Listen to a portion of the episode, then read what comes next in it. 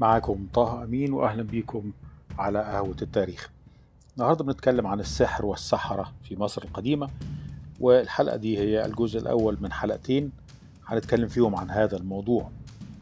ومصر تاريخيا كانت من البلاد المعروفة بقوة السحر وبقوة السحرة وبتأثيرهم على الناس وتأثيرهم على مجريات الأحداث في ذلك الوقت. والحقيقة لدينا الكثير من الأدلة اللي بتقول أن المصريين القدماء كانوا بارعين في السحر سواء أدلة تأتي من العصر المصري القديم وتأتي من الكتابات المصرية القديمة. وكذلك يعني الأدلة والإشارات التي وردت في القرآن والتوراة وهي إشارات إلى قوة المصريين في السحر وبراعتهم في السحر وأنه في النهاية يعني جاءت الأديان الحديثة لتمنع السحر ولا تحرمه وتجعله شيئا محرما وممنوعا. وبالتالي الحقيقة نتأكد أن المصري القديم كان بارعا في السحر بشكل كبير. ويعني الدراسات الحديثة في العالم الحديث يعني يصعب عليها أنها تتقبل فكرة زي فكرة السحر والقوى الماورائية التي تستطيع تغيير مجريات الأحداث. ولكن زي ما بيقول فيليب جوندبرج أنه يعني نحتاج إلى الكثير من التواضع لدراسة الحضارة المصرية القديمة. ونحتاج إلى الكثير من التبصر والكثير من الانفتاح على الثقافات الأخرى عشان نقدر نفهم حاجة زي السحر في الحضارة المصرية القديمة. ما نقدرش نحكم على ما كان المصريون يسمونه السحر بأحكام النهارده ولا بعقلية النهارده ولا بعلوم النهارده. لابد إن إحنا نشوف الناس كانت بتفكر إزاي وكانت عايشة إزاي. حتى إنه معنى كلمة السحر ومدلول كلمة السحر اختلف من العصور القديمة حتى الآن. في العصور القديمة كانت كلمة السحر شيء عادي جدا بيختلط هذا المفهوم بالحياة اليومية بشكل لا يمكن فصله عن الأحداث اليومية وبالطبع لا يمكن فصله عن الدين بينما النهاردة في العصور الحديثة إما لأسباب علمية أو لأسباب دينية أو لأسباب تطور العقل البشري أصبحت كلمة السحر كلمة لها مدلول سلبي. وفي بعض الأحيان يكون لها مدلول ساخر زي ما بنتعامل مع السحر على أنه مجموعة من الألعاب يقوم بها شخص يسمى الساحر يعني إسعاد الأطفال في بعض المناسبات السعيدة. الحقيقة المصريين القدماء في موضوع السحر كانوا قد توسعوا بشكل كبير واستطاعوا أن هم يتعاملوا مع السحر بشكل جدي جدا. شكل جدي حتى وصل أن السحر هو شيء تقره الدولة المركزية. وتستخدمه الدولة المركزية. السحر في مصر القديمة كان هو تقنية متعادلة لتغيير الواقع وتغيير الأحداث من خلال الإرادة من خلال ما يسمى بالإنجليزية الإنتنشن وإنه هذه الإرادة إذا كانت إرادة صادقة ومدققة تستطيع أنها تغير الأحداث بشكل كبير وسريع في بعض الأحيان والحقيقة المفتاح اللي ممكن ننطلق منه عشان نفهم قيمة السحر وأهمية السحر وتقدير السحر في التاريخ المصري القديم هو محضر لقضية محاولة اغتيال الملك رمسيس الثالث في الأسرة في الأسرة العشرين.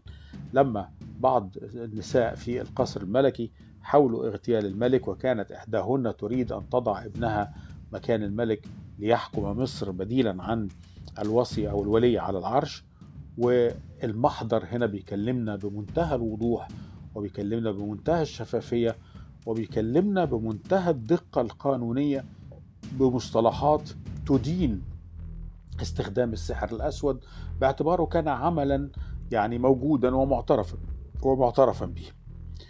وبنجد أنه مفهوم السحر ليس فقط للاستخدام في الحياة اليومية بين البشر بل أن أيضا الآلهة كانت تستعين بالسحر مثل قصة حورس. وست وذلك الصراع الشهير بين الخير والشر في الميثولوجيا المصرية القديمة. مصر القديمة الدولة المركزية في ذلك الوقت كانت تستخدم السحر في الدفاع عن الوطن وكانت تستخدمه في إبطال قدرات الأمراء الأجانب وكانت تستخدمه في إبطاء تحركاتهم لغزو مصر وكانت تستخدمه في إبطال الخطط اللي بيقوموا بيها من أجل يعني السيطرة على مصر أو من أجل غزو مصر. وكان لدينا مجموعة من السحرة في ذلك الوقت. كان أشهرهم لقب أو وظيفة خري حبت وهو مقيم الشعائر. ودوت كان بيمثل يعني أحد أهم الوظائف في المعبد المصري. وكان هذا يستطيع أن يقوم بأعمال سحرية مستخدما القدرات التي علمتها الآلهة للبشر وللكهنة في ذلك الوقت. بنكتشف أن السحر بيختلط بالحياة اليومية على كل المستويات من أول المستوى بتاع الإنسان العادي الذي ربما لا يملك أي قدر من التعليم حتى نصل إلى مستوى الملك الحاكم ونصل إلى مستوى الكهنة وكبار الكهنة. كلهم كانوا بيستخدموا السحر بشكل من الأشكال وبصورة من الصور.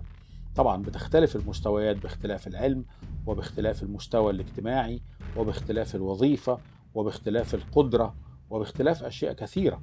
ولكن في النهاية حتى أبسط المصريين كان لديه بعض يعني القدرات السحرية التي يستطيع استخدامها.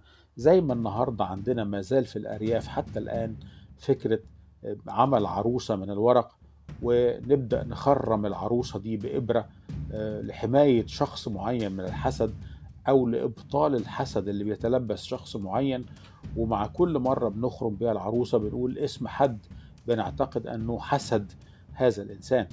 فيبتدي الإنسان يقول أنه هذا من عين عمك هذا من عين خالك هذا من عين أختك هذا من عين جارك فلان الفلاني هذا من عين صديقك فلان الفلاني.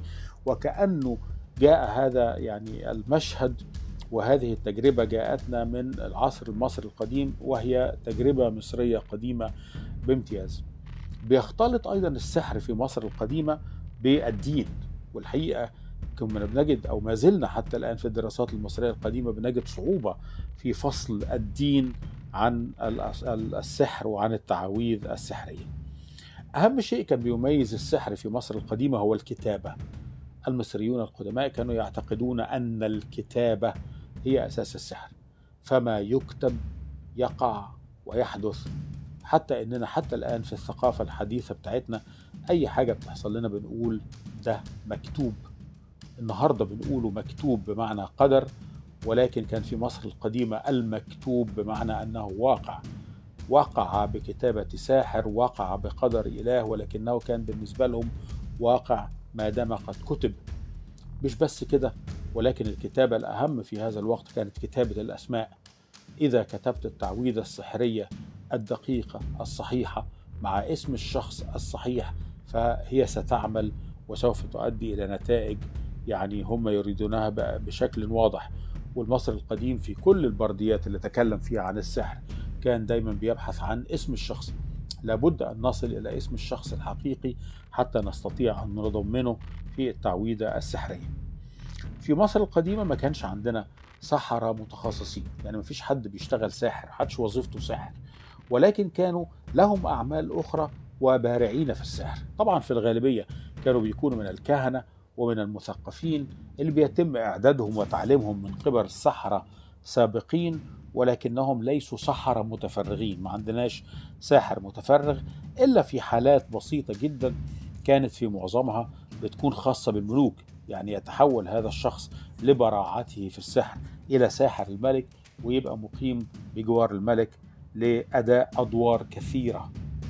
الدور الأساسي للساحر في مصر القديمة كان هو تهدئة غضب عين رع وعين رع هنا يعني طبعا من الإشارات المهمة جدا في التاريخ المصري القديم وهي كانت تمثل ببساطة كده الطاقة السلبية. هذه الطاقة السلبية التي كان يمكن أن تنتشر في أي وقت وكان لها في بعض الأحيان أوقات محددة في تاريخ مصر وفي السنة المصرية وفي الأيام المصرية. وكانت عين رع السلبية تمثل الإلهة سخمة إلهة الغضب وإلهة الشر والإلهة المسؤولة عن نهاية العالم ونهاية البشرية. وكان الكاهن الساحر اللي بيهتم بقصة عين رع دي بيقول لن يكون لك تأثير علي فأنا الوعب المنتمي إليك وعب تعني الكاهن المرتل وهو الكاهن الذي يملك الصيغ السحرية كلها ويستطيع بها أن يسيطر على غضب الآلهة. والكاهن هنا بيملك صفة مزدوجة. هي صفة تحمي الملك وتحمي الشعب وتحمي الأرض وهي صفة أيضا تستطيع أنها تهدد الآلهة. عشان كده كنا بنجد كتير قوي من السحرة بيستخدموا صيغة تشبه التهديد للإله إنه إذا فسد الأمر وإنه إذا انتشرت الطاقة السلبية فإنه يعني لن تجد من يعبدك في هذه الأرض. وبالتالي أنت أيها الإله ملزم بإنك أنت تحمي هذا الشعب وملزم إنك أنت يعني ترأف به لأنه إذا حصل حاجة لهذا الشعب أنت لن تجد من يعبدك.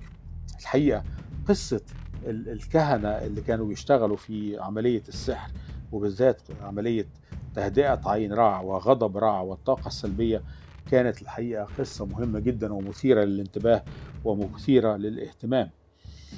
المصريين القدماء كانوا بيعتقدوا إنه في أيام في السنة بينتشر فيها الطاقة السلبية ولذلك لابد أن ينشط دور السحره لتنظيف الجو في مصر من الطاقة السلبية ولحماية الأرض والشعب والزرع والنيل والملك.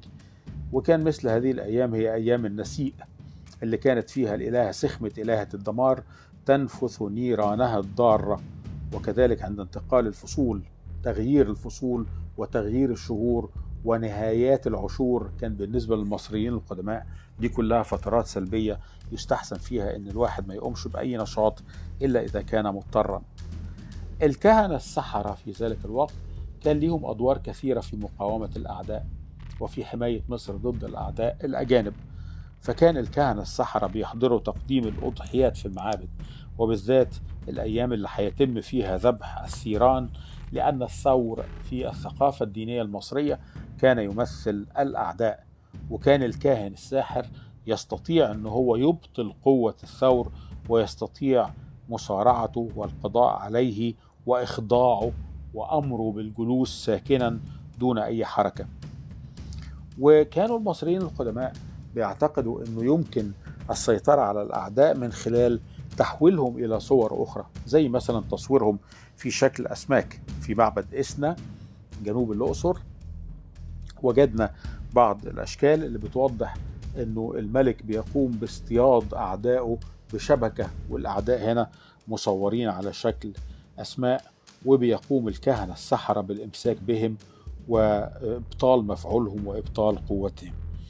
كان العنصر الأساسي للكاهن حتى يستطيع أن يمتلك القوة السحرية ولا يفقدها أبدا هو الطهارة.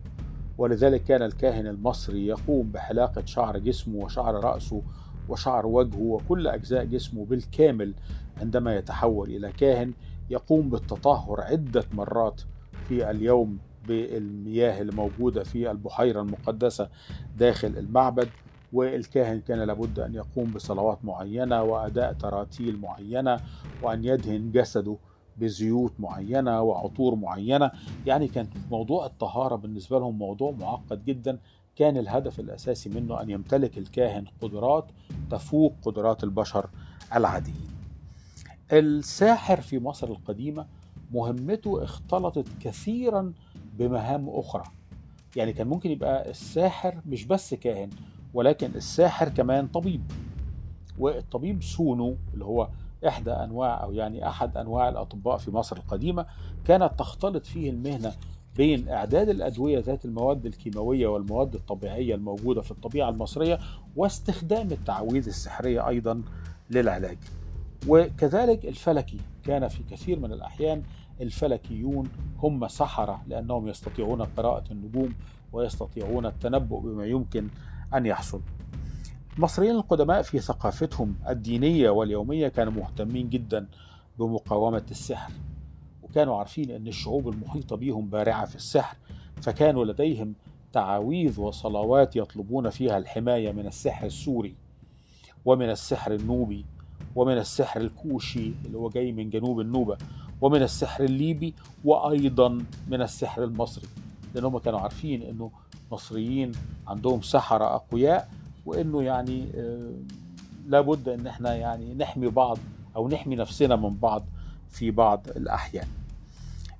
بعض السحرة كانوا بيتحولوا إلى سحرة لمجرد انتمائهم إلى آلهة معينة زي الإلهة سرقت وكان الساحر الخاص بالإلهة سرقت اسمه خرب سرقت وهي كانت مهيئة أو مصورة على شكل العقرب وكان الساحر الخاص بها لديه القدرة على شفاء الناس اللي بيصابوا بلدغات العقارب ويصابوا بلدغات الثعابين.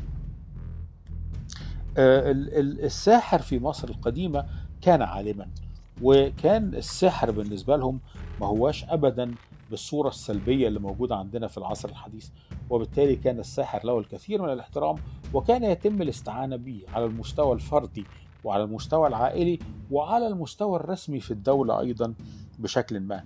فكان لدينا نوع من السحرة بيحمل لقب ساو وكان الساحر ساو هو حامل السائل السحري اللي بيكون مصاحب للحملات الحربية حتى يستطيع أن هو يعالج المرضى والمصابين أثناء الحروب وحتى يستطيع أن هو يعمل تعاويذ سحرية تبطل قوة الأعداء وحتى أيضا يستطيع أن يقوم بتركيب مواد معينة توضع على الأسلحة فتجعل هذه الأسلحة شديدة السمية. بمجرد ما نضرب بيها الجندي العدو يسقط سريعا ولا يقف مرة أخرى. وبالتالي وجدنا العديد من الكتابات على شقفات دير المدينة بتكلمنا عن الساحر ساو وبتكلمنا عن قدرات الساحر ساو في الفكر المصري القديم. أيضا كان بيتم الاستعانة بتماثيل الإلهة إيزيس الشافية وكانت هي الشافية في الآخت. الآخت في اللغة المصرية القديمة بتعني الأفق ولكن هنا كان يقصد بها المدينة والمدينة بمعنى كل مدينة أو مكان معمور بالناس وهي كانت تقوم بالشفاء من السموم. كمان كان لدينا تمثال الإله حورس وهذا تمثال الإله حورس. حورس كان يرى دائما وهو يمسك العديد من الثعابين والعديد من العقارب وكان هذا التمثال لديه القدرة على الشفاء من لدغات الثعابين ولدغات العقارب.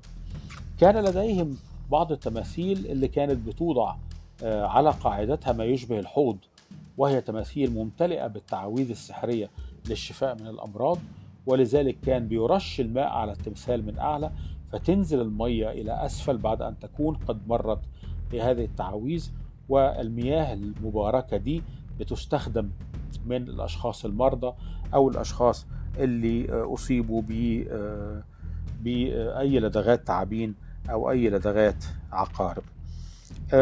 وجدنا أيضا بعض التماثيل اللي كانوا المصريين القدماء بيكتبوا عليها أو بعض اللوحات اللي كانوا بيكتبوا عليها تعاويذ سحرية وتعاويذ للشفاء من الأمراض ووجدناها داخل المعابد المصرية. وجدنا شيء مثير جدا في معبد رمسيس الثاني اللي هو معبد الرامسيوم في الضفة الغربية من مدينة الأقصر أثناء البحث في القرن العشرين عن ملحقات المعبد. وجدنا في إحدى الغرف صندوق به برديات بها تعاويذ سحرية وقطع من العاج وتماثيل قرود ودي كانت الأدوات اللي بيستخدمها الساحر في عمله.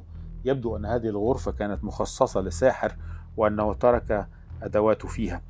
وجدنا أسماء سحرة معروفين جدا في مصر زي أيام الملك سينفرو وأيام الملك خوفو زي الساحر ديدي والساحر جاجا إم عنخ من الأسرة الرابعة.